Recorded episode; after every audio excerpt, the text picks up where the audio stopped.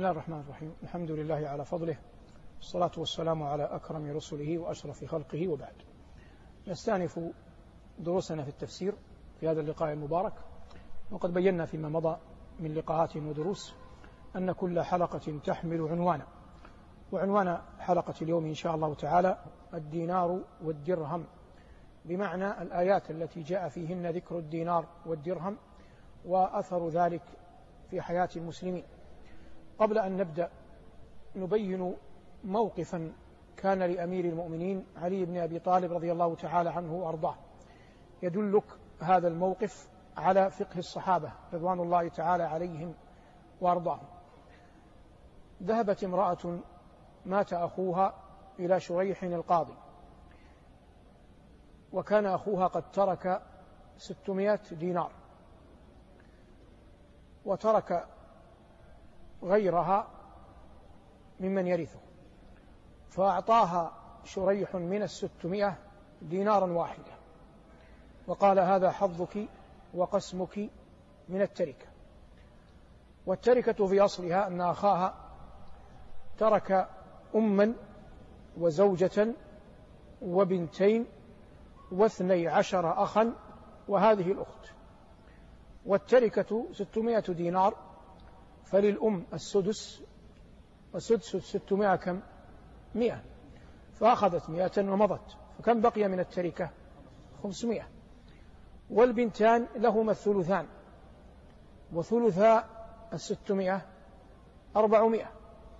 الأربعمائة مع المئة التي هي سدس لمن؟ للأم أصبحت خمسمائة. فلم يبق من التركة إلا ك... إلا إلا مئة. الزوجة لها الثمن لوجود الفرع الوارث وثمن الستمائة كم؟ خمسة وسبعون فأخذت خمسة وسبعون دينارا. فلم يبق من الدنانير الستمائة إلا خمسة وعشرين دينارا. خمسة وعشرون دينارا بقي اثني عشر أخا وأختا واحدة للذكر مثل حظ الأنثيين.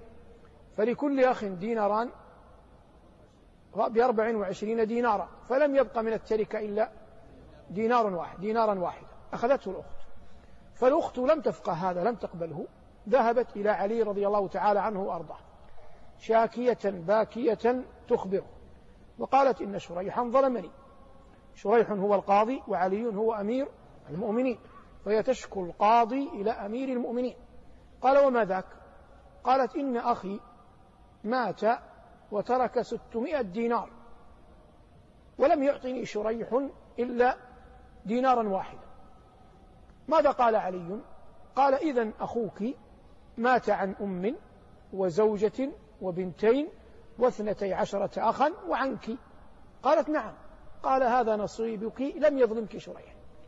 فهي لم تقل له صورة المسألة ولم تقل له من الذي يرث أخاها وكم ترك أخوها. من الذرية هل له ذكور هل له إناث؟ لم تقل له شيئا. قالت له فقط إن أخي ترك ستمائة دينار وأعطاني شريح منها دينارا واحدا فقال إذن أخوك ترك زوجة وأما وبنتان وبنتين واثني عشر أخا وأنت. وليس لك أي حق في في المطالبة. هذا استفتاح تمهيد توطئة للحديث عن الدينار والدرهم في كتاب الله. ذكر الله القنطار وأهل العلم يقولون إن القنطار مثال للكثرة. قال الله جل وعلا في سورة النساء وإن أردتم استبدال زوج مكان زوج وأتيتم إحداهن قنطارا فلا تأخذوا منه شيئا أتأخذونه بهتانا وإثما مبينا؟ وكيف تأخذونه؟ وقد أفضى بعضكم إلى بعض وأخذن منكم ميثاقا غليظا. كانت المرأة في الجاهلية في الجاهلية إذا طلقها زوجها يسترد المهر. فأخبر الله جل وعلا أن هذا إثم وعدوان وظلم وبهتان لا يقره شريعة لا تقره شريعة الإسلام. فقال الله وإن أردتم استبدال زوج مكان زوج وآتيتم إحداهن قنطارا أي من قبل مهرا فلا تأخذوا منه شيئا أي حين الطلاق أتأخذونه؟ استفهام إنكاري بهتانا وإثما مبينا وكيف تأخذونه؟ تعجب.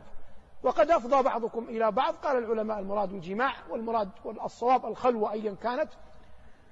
وقع جماع أو لم يقع. وقد أفضى بعضكم إلى بعض وأخذن منكم ميثاقا غليظا. والله لم يسمي في كتابه شيئا ميثاقا غليظا إلا اثنين. النكاح والعهد الذي أخذه على الأنبياء. والعهد الذي أخذه على الأنبياء سماهم الله جل وعلا ميثاقا غليظ غليظا. قال هنا في النساء وقال جل وعلا وأخذنا منكم ميثاقا غليظا. في النساء وقال كذلك وإذا أخذنا من النبيين ميثاقهم منك ومن نوح ومن إبراهيم ومنك ومن نوح وإبراهيم وموسى وعيسى بن مريم وأخذنا منهم ميثاقا غليظا. هذا ذكر القنطار وقلنا إن القنطار مثال للكثرة ويدل عليه آية الأنعام. زين للناس حب الشهوات من النساء والبنين والقناطير المقنطرة من الذهب والفضة. أما الدينار والدرهم فقد ذكر في في آل عمران وذكر الدرهم في سورة يوسف. أما في آل عمران فقد قال الله جل وعلا ومن أهل الكتاب من إن تأمنه بدينا من ومن أهل الكتاب من إن تأمنه بقنطار يؤديه إليك. ومنهم أي من أهل الكتاب من إن تأمنه بدينار لا يؤديه إليك إلا ما دمت عليه قائما. ذلك بأنهم قالوا ليس علينا في الأميين سبيل. كلا الحالين حال تعجب. أعيد. كلا الحالين حال تعجب فإن القنطار دافع لأن تخون لأنه مغرم. ومع ذلك يوجد من أهل الكتاب من إن تأمنه بقنطار تضعه عنده تضعه عنده يرده إليك. مع أن قومه جبلوا على الخيانة. فهو تخلص من أمرين. تخلص من عادات قومه وانتصر على شهوات نفسه أنه لم يقبل أن يحتفظ بالقنطار. على الضد قال أصدق القائلين. ومنهم أي من أهل الكتاب من إن تأمنه بدينار لا يدفع إلى أن يستبقي.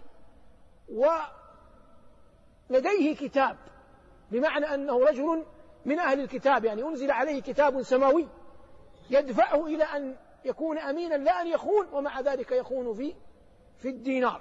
وكل التعجب يدل على إنصاف الإسلام في أن الله جل وعلا لما ذكرهما ذكرهما بإنصاف. ولم يقل إن جميع أهل الكتاب على نسق. أو على سيرة واحدة. ذلك بأنهم قالوا ليس علينا في الأميين سبيل. هذا ما ذكره الله جل وعلا في الدينار وقلنا إن المقصود حال حال التعجب.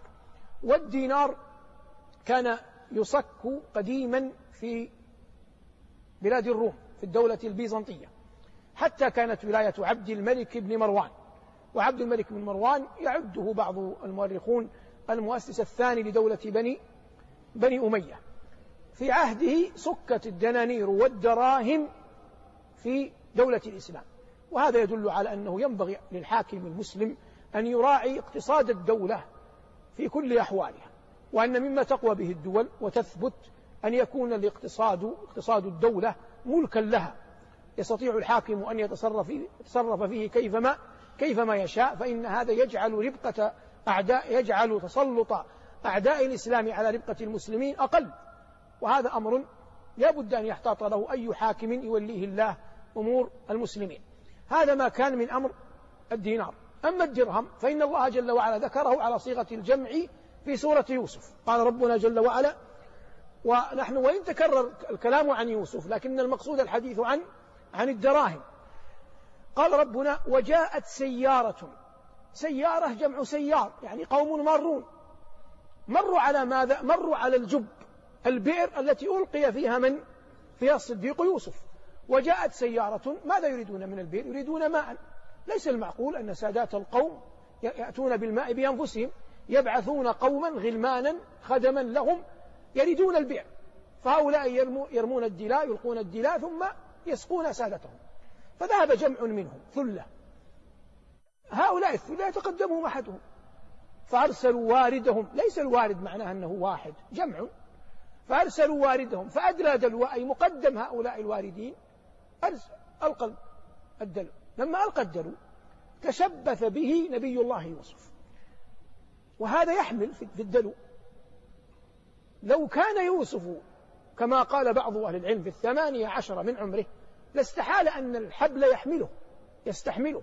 لكن هذا من القرائن التي قال العلماء أن يوسف كان صغيرا في سن سبع تقريبا تزيد قليلا أو تنقص. فتشبث نبي الله بالدلو بقدر الله. فأرسلوا والدهم فأدلى دلوى قال يا بشرى كأن الحكاية تقول يا بشرى أحضري. يعني الموقف بالنسبة له موقف سعادة لأن يوسف أوتي هيبة أوتي جمالا أوتي جلالا يهيئه الله للنبوة. فإنسان يريد دلو ما يجده البر والفاجر والمؤمن والكافر والفقير والغني فإذا به يفاجأ بأن مع الدلو غلاما وضيئا جميلا جليلا ذا هيبة. قال يا بشرى هذا غلام فالأصل أن كلمة غلام إذا أطلقت يراد بها من في سن التمييز. لكنها قد تطلق على الكبير لكن لا بد من قرينة. فإن موسى عليه السلام قال في رحلة الإسراء والمعراج بكى. قال أبكي لأن غلاما بعث بعدي يدخل الجنة من أمتي أكثر ممن يدخل من من أمتي وهو يقصد نبينا صلى الله عليه وسلم. لكن القرينة هنا ظاهرة. فقال يا بشرى هذا غلام وأسروه. أسر بمعنى أخفى. ولا ينبغي أن يتردد المفسرون في تعبير هذا. والله جل وعلا قال فأسرها يوسف في نفسه. بعد ذلك أسر بمعنى أخفى. والمعنى أن هؤلاء الذين ذهبوا للاستسقاء ما أحبوا أن يشاركهم السادة في يوسف حتى إذا باعوه لا يقتسم المال على عدد كبير. ولا يشاركوهم فيه وأسروه بضاعة أي أخفوه عن من كان معهم حتى يبيعوه. قال ربنا وأسروه بضاعة. ثم قال وشروه أي باعوه. وشروه أي باعوه قطعا. لكن لماذا قال القرآن وشروه؟ قال القرآن وشروا أن هؤلاء كأنهم يريدون أن يتخلصوا منه وهنا يظهر جليا. كيف أن الله جل وعلا أجرى على نبيه يوسف خوارق العوائد؟ أجرى على نبيه يوسف خوارق العوائد. لأن من يظفر بغلام وضيء حسن يرغب فيه لابد أن يغالي في الثمن ولا يبيعه إلا بعد مساومة وبعد أخذ وعطاء. فهم باعوه كأنهم يشترونه لا كأنهم لا كأنهم يبيعوه. وشروه بثمن يقول ربنا بخس. الباء والخاء والسين في اللغة. قدمتها قلبتها قدمها أخرها تدل على القلة. أيا كانت. الأرض التي لا تنبت يقال لها أرض سبخة. أي قليلة النبت نادرا ما تنبت. ما يعلق من القلائد إذا كان لا جوهر فيه ولا لؤلؤ ولا ذهب ولا فضة. كان من قرنفل يسمى سخاب لأنه لا يدل على شيء. الأسد يسمى ساخب. لماذا يسمى ساخب؟ لأن الأسد يفترس لكنه يأكل بيده. يفترس ثم يأكل بيده شيئا قليلا ثم يمضي يعني يأتي على ما يصيده ثم بيده يأكل ينشب ثم يترك فريسته. فالمادة اللغوية للباء والخاء والسين تدل على القلة.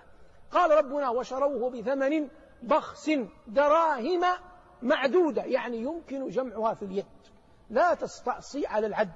يمكن أي أحد يعدها.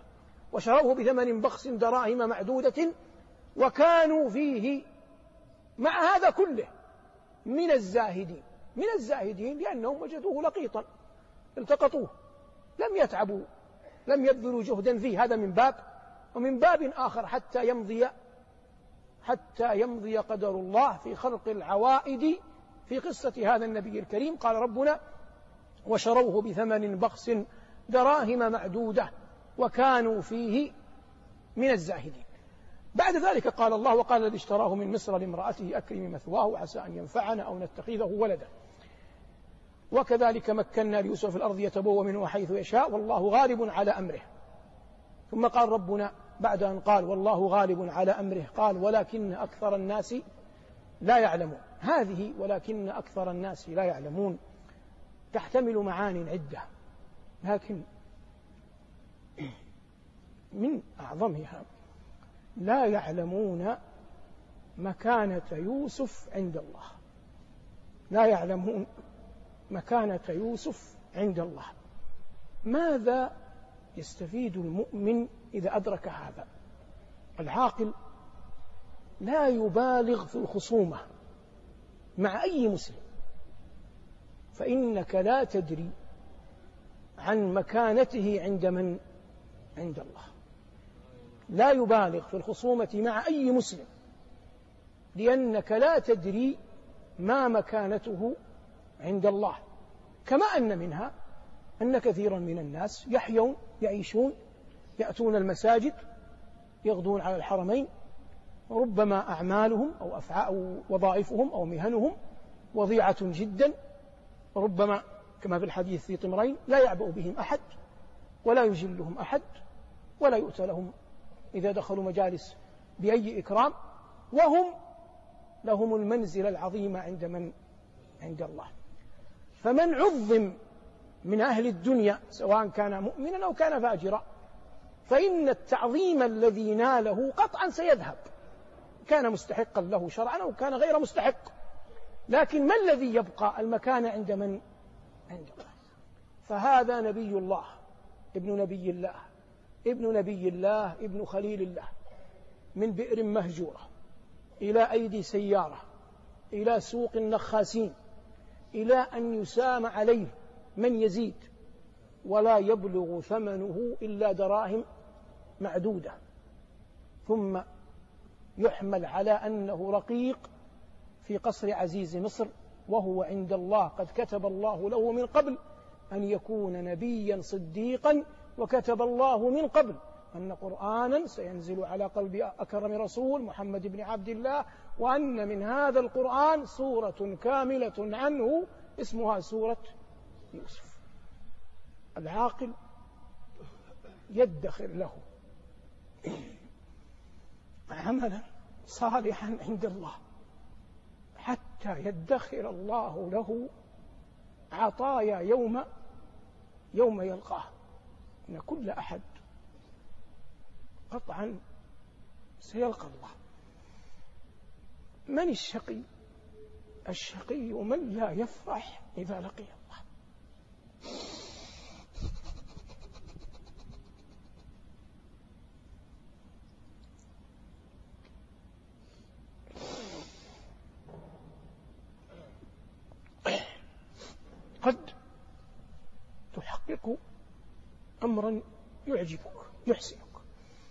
فتأتي به إلى مثلا أبيك. ربما بقدر الله أبوك لا يفرح بهذا الشيء. تأتي به إلى رئيسك في العمل قد أنجزت شيئا لا يفرح رئيسك به. تأتي به إلى ولي أمرك لم يقابلك فيه بما تؤمل. تأتي به إلى أمك كانت أمك مشغولة بأخيك مشغولة بأخيك. تأتي به إلى أي أحد تحب أو تجله. فلا تجد عنده فرحة كنت تتمناها.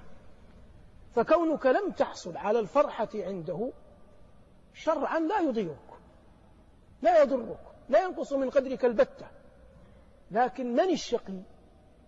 من يلقى أرحم الراحمين ولا يجد عنده الفرحة. من يلقى أرحم الراحمين ولا يجد عنده الفرحة. كيف يستطيع المسلم أن ينال الفرحة إذا لقي الله يدخر له سرائر أعمال يجعلها في غالب ظنه ذخرا يوم لقى الله جل وعلا.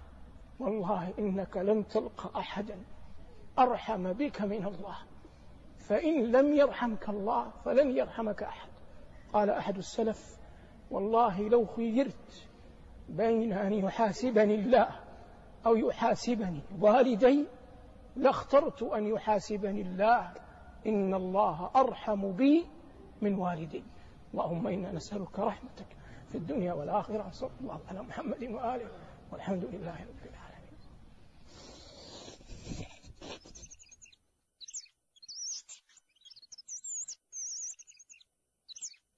الله أكبر الله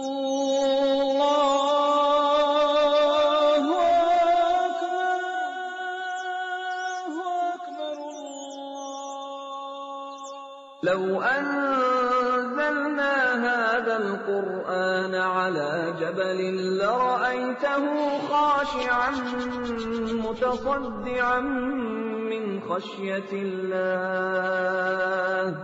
وتلك الأمثال نضربها للناس لعلهم يتفكرون.